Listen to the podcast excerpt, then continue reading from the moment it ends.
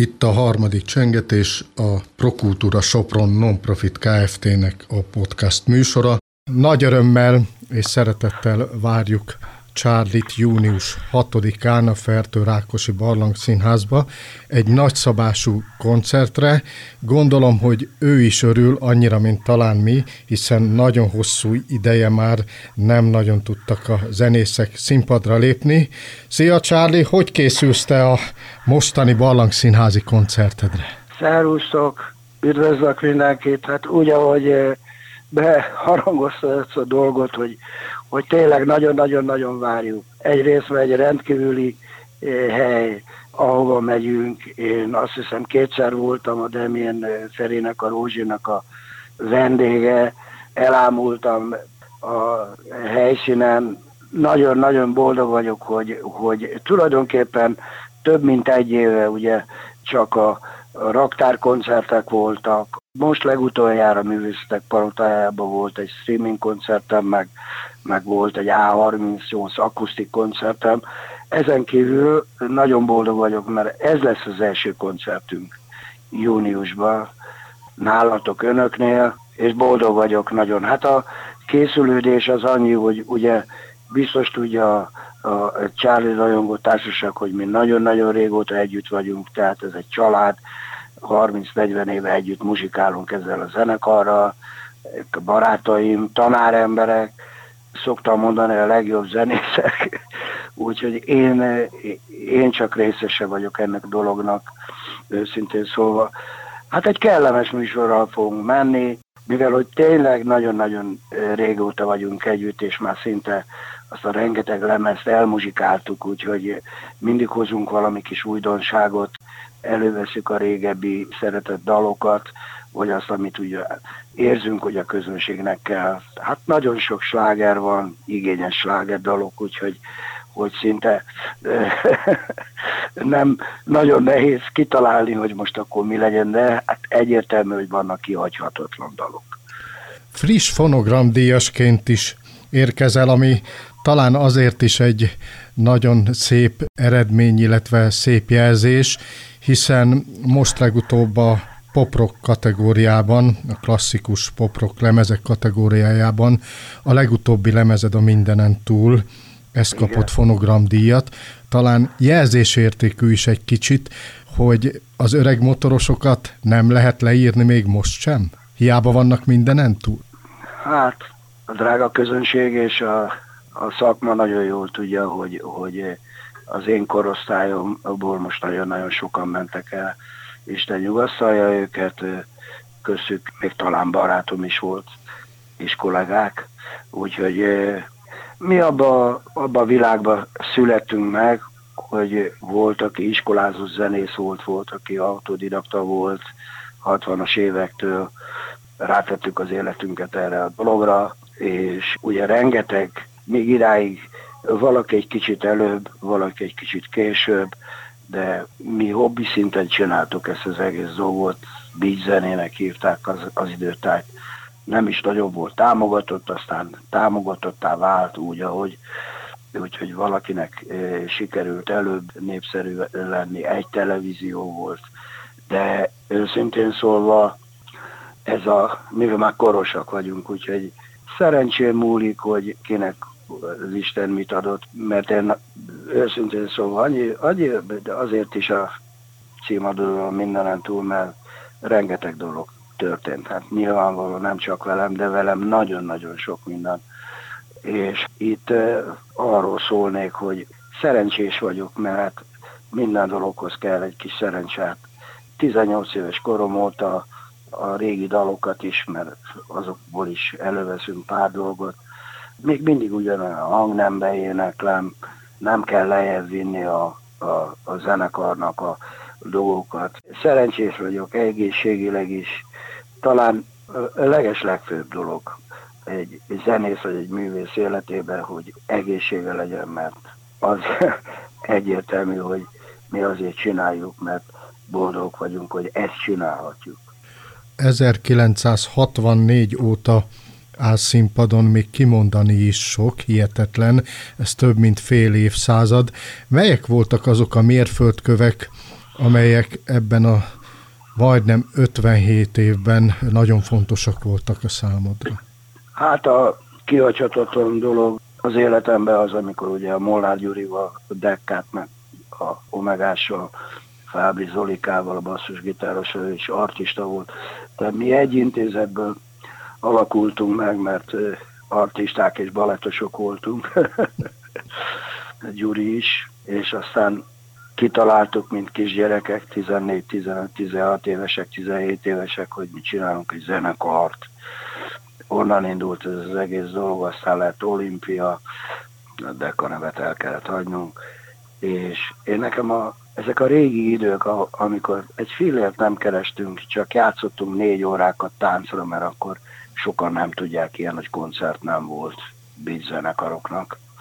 Se Illis, se Omega senki, mindenki négy órákat játszott, mindenkinek volt egy közönsége, baráti társasága, ugyanúgy, mint Fradi Újpest, vagy valami érdekes dolgok voltak ezek. Megszépültek ezek a dolgok nagyon, és tiszta szívvel mondom, hogy, hogy hát már akkor is be kellett, meg kellett volna legyen az, ami hát nagyon sokára történt meg, mert ugye én kimentem több mint tíz évre külföldre, ott azért rendben meg kellett állni a helyedet, nagyon szerettek bennünket, imádtak bennünket, az utolsó öt évvel már nagyon sok pénzt kerestünk, és hát hazajöttem. Ez talán a második történet az életemnek. Hát ezekből a külföldi dolgokból több, több variáció volt, ugye több, több voltak megszakításai a dolognak, de hát az utolsó tíz év az a Pannoniás vesz volt, és aztán amikor már nem nagyon eh, gondoltuk, hogy most már egy kicsit vége,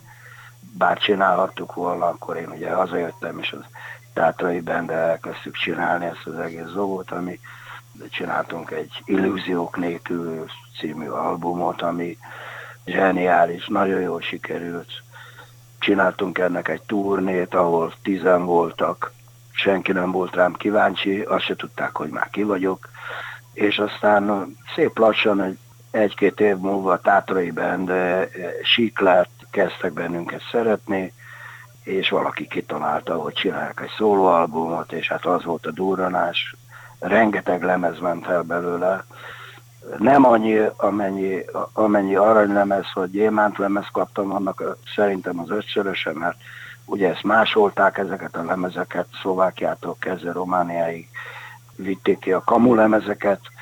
Én azt se tudtam, hogy, hogy sikeres vagyok, vagy nem. Én csak dolgoztam, csináltam a lemezeket, rengeteg lemez csináltunk, és az volt a nagy szerencsém, hogy, hogy a Charlie Bendel is, akivel megyek hozzátok, olyan embereket szedtem össze, mert ezt a zenekart én állítottam össze, én találtam meg az embereket, olyan embereket, akik én zeneileg nem szép fiúként, meg mit tudom miként szerettem meg, ennek eh, volt egy ilyen majdnem fél éves utána járás, amíg én így ezt a dolgot összeállítottam.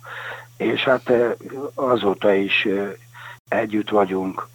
Talán ezek voltak azok a csomópontok, amikor aztán tulajdonképpen elindult ez a dolog, és rengeteget muzsikáltunk, és, és mai napig. Hát ami nagyon-nagyon fontos dolog, hogy nagyon szeretnek bennünket az emberek, pedig, pedig már idős emberek vagyunk. Tehát találkozgatunk, meg telefonálgatunk egymásnak, és meséljük a régi, de amikor még nagyon szépek voltunk, és fiatalok voltunk, és borzasztó nagy energia volt a színpadon, talán még egy picit lesz most is.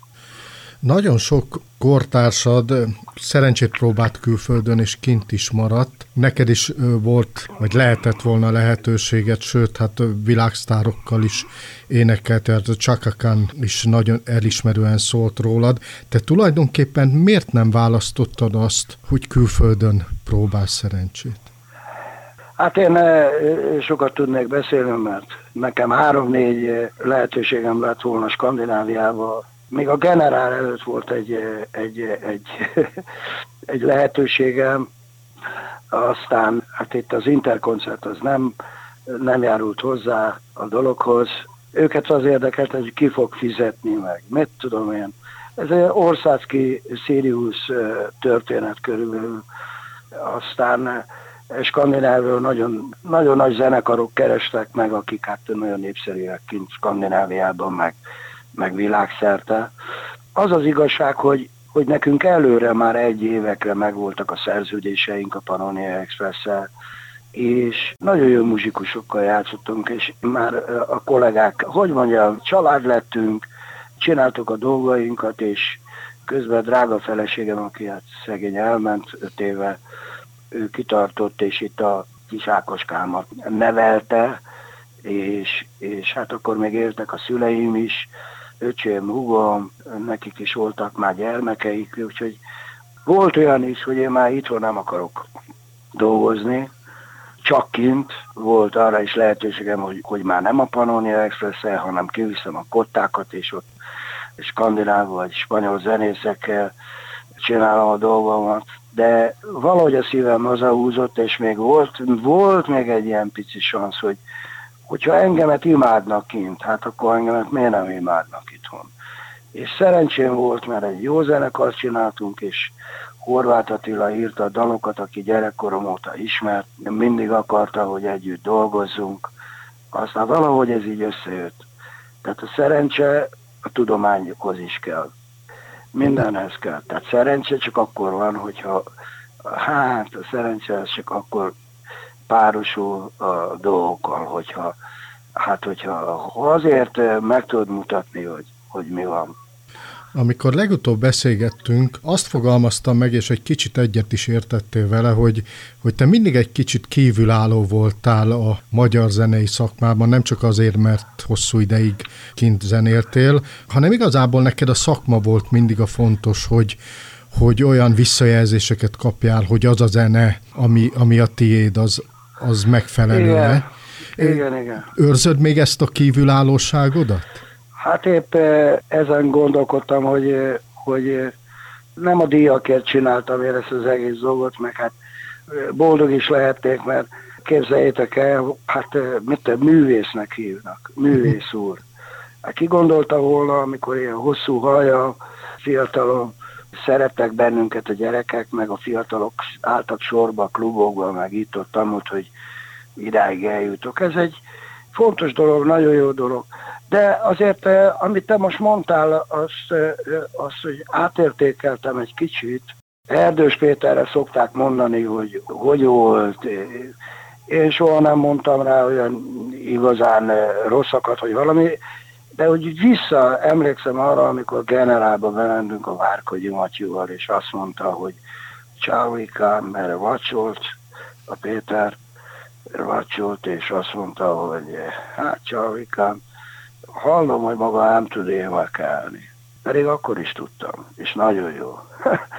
és hát úgy elgondolkodtam, azt mondja, meggondolkodjon, én nem értek a zenéhez, mondta ő, én nem értek a zenéhez, ezt a szakma mondja. Tehát tulajdonképpen én kiadtam egy könyvet, amiből kimaradt egy csomó dolog, szerencsére. Úgyhogy nem is olyan régen fogalmazott meg bennem, hogy tulajdonképpen az Erdős Péter a szakma irányította. Ki volt a szakma? Aki, enge, a, aki azt mondták rám, hogy én nem tudok semmit. Lehet, hogy azért kellett kimennem Afrikába, mert egyből megkaptam az útlevelet, érted, hogy tűnjek el innen, ne pozícionálják senkit. Hogy mondjam? Szóval ezek olyan érdekes dolgok. Érdekes dolgok. Közben pedig hát a hazajövők 40 évesen, és mondják nekem, hogy hát boldog vagyok, végre befutottál meg, mit tudom én. Hát, hát akkor is befutottam, ugyanakkor a közönségem volt, mint az Illésnek, meg az Omegának. Ugyanakkor a közönség, nem országosan, Budapesten. Ugyanakkor a közönségem volt. Sőt, nagyobb. És olimpiának hívták, és ő nekik már volt. Négy lemezük, nekem meg nem volt semmi. De lehetett volna, de hát nem tudtuk megcsinálni ezek a történetek a dalaidban is benne lesznek majd valahogy, és, és hát akkor... benne vannak, mert azért szoktam mondani, hogy a zene a legfontosabb, azért hívják zenének, de Horváth Attila, Horváth Attila csak olyan embernek ír, akit ő ismer. Tehát a Rúzsa Magdinak nem ír, pedig szeretett volna, hogy írjon a Horváth Attila Rúzsa Magdinak. Ő nem ír, mert nem ismeri, és ezt nekem mondta. Pedig mondtam, hogy légy írjál neki. Nem, nem, mert nem tud neki írni, nem tud neki, nem ismeri. Tehát személyesen nem tudja, idő meg nincs arra, hogy és ezek a dolgok, ezek a történetek így vagy úgy, amiket a, erre a csodálatos zenére megírt az Attila, mert itt elsősorban zenéről van szó. Ez a habatortán, mert az Attila, hogyha nincs, nincs zene, és nincs Charlie, és csak elolvasod a szöveget, az egy költemény. Szó szerint egy költemény. Zene nélkül, és Charlie nélkül, és az Attila, most az új lemezen csak egy dalt írt, a legjobb barátom, még ha Isten is úgy akarja, még talán csinálunk még egyet, egy utolsót, mert rengeteg lemez, de már többet nem akarok. És tényleg eh, a lényeg ennek a dolognak, hogy, hogy ezek a dalok rólad, rólunk, rólam szól. Mindenki felismerheti a, a gyötrelmeit, a boldogságát, a, a szeretetet, a, a, a bajt, a gondot, a, azokat a szituációkat, amikor beülsz egy kávézóba, ülsz, és oda szól hozzád egy, hozzászól egy furcsa vendég. Na most az egy dalnak a, az egyik, egy picike kis részlete. Hogy nem a hülyeségről szólnak ezek a dalok, hanem, hanem az életről, ami velünk és mindenkivel megtörténik, és én soha nem gondoltam volna, hogy a szöveg ennyit jelent. Te álmodsz a... Mert elénekeltem 5000 angol nótát, amiből 2500 zeneileg óriási volt, viszont a szöveg nem ért semmit. És akkor is világsláger lett. Te álmodsz a dalaidról, vagy a koncertjeidről? Hát én, az az igazság, hogy kb. tíz éve álmodom. Előtte soha nem álmodtam. Ezt így szó szerint értsed, de most nem tudom. Van úgy, hogy előkerül egy-két régi barátom, akikkel nagyon régen együtt muzsikáltam. Az álmoknak mindig a vége valami baj, hogy gyorsan fel kell ébredni, mert baj van. Tehát nagyon keveset alszom, de hát ezt nem akarom megfejteni, a titkot. Nagyon keveset alszom, viszont úgy érzem, hogy kialszom van, az egy tőrészletben alszom, tehát én már reggel háromkor fönt vagyok. Nyolckor már, már ágyba vagyok. És akkor utána, mit tudom én, visszahalszom, és akkor mit tudom, 7 órakor ébredem, és adok a cicáknak kaját. Hogy mondjam, el vagyok, meg hát van egy kis unokám, aki, aki boldogát tesz, tíz éves múlt, megy ötödikbe jövőre, szeret engem. A fiamnak is úgy néz ki, hogy külföldön nagyon nagy karrier vár rá, ha Isten is úgy akarja, ettől lennék a legboldogabb. A Stardust nevű zenekar, csináltak egy angol nyelvű lemezt, és az egész világon nyomják őket, és a rádiólistákon kint Amerikától kezdve, Japántól kezdve az első ötben vannak benne, és ezt valószínű senki nem érte el itt Magyarországon még csak ők, és ezt nem a magyarok csinálták meg nekik, hanem egy külföldi világcég a Youtube-on rájuk bukkant, és így sikerült nekik. Tehát a magyarok nem olyan segítenek, úgy látszik, azok a tehetséges gyerekeken. Hallgatsz te mai zenét, vagy megmaradtál a klasszikusoknál, amint te is felnőttél? Én a klasszikusokat hallgatom, én, én, én nekem volt egy bakelit lemezgyűjteményem, amit, amit lenyúltak. Több lemezem volt, mint a Magyar Rádiónak bakelitbe. Egy házárát kiraboltak, mikor én külföldön voltam. Kiraboltak bennünket, akkor még a Katikán, meg a kis Ákos még 5-6 éves volt. Erre gyűjtöttem, hogy majd öregkoromra ezeket a lemezeket végighallgatom, mert megvolt a tehát ezeket a lemezeket nem hallgattam, ezeket megvásároltam, de tudtam, hogy mit vásárolok egyértelműen, és aztán próbáltam ezt CD-ken begyűjteni, úgyhogy most is van úgy, ahogy egy elég szép zenei dolgaim, teljesen más világ, mint bárki, tehát eh, zenész válogatás. És én gyerekkoromtól zenét hallgattam. Tehát én a fürdőszobában soha nem énekeltem, én csak hallgattam a zenét, a próbákon, a próbákon éneklek, meg a színpadon.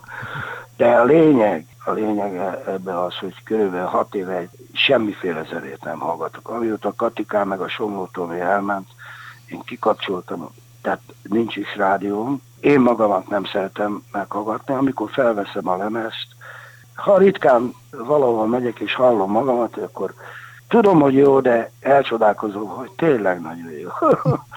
és akkor boldog vagyok, de nem hallgatok. De el fog jönni az az idő, ami régen volt, hogy, hogy most összeszerelem a dolgomat, mert minden szét van húzva, és újból elkezdem hallgatni, amiről beszélsz, a régi jazz szakszafonosokat, és azokat a énekeseket, gitárosokat, klasszikus zenét is hallgatok.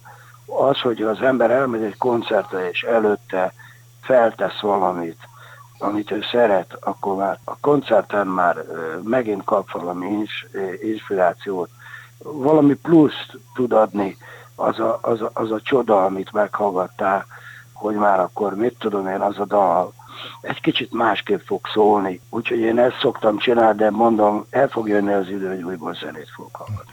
A beszélgetéseink végén én mindenkitől azt kérem, hogy ők hívják meg személyesen a közönséget arra a produkcióra, amelyben találkozhatnak velük a Fertő Rákosi Barlangszínházban. Úgyhogy Charlie, én most megkérlek téged, hogy hívd meg a nézőket egy személyes találkozóra veled erre koncertre.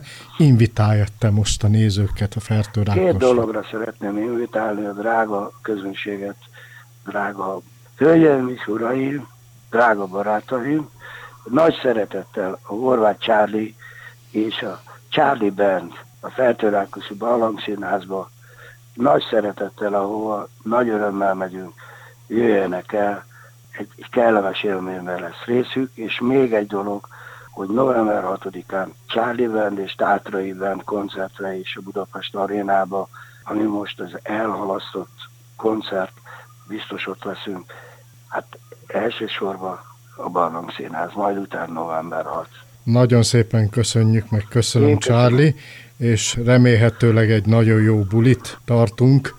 Horváth Károly, azaz Charlie, a legendás magyar énekes előadó zenész volt a podcast műsorunk vendége. Ne feledjék, június 6-án a Fertő Rákosi Barlangszínházban Charlie Band hatalmas slágerekkel és az elmúlt több mint fél évszázad legendás előadójával. A viszont hallásra, és szervusz Charlie, és köszönjük neki ezt az interjút.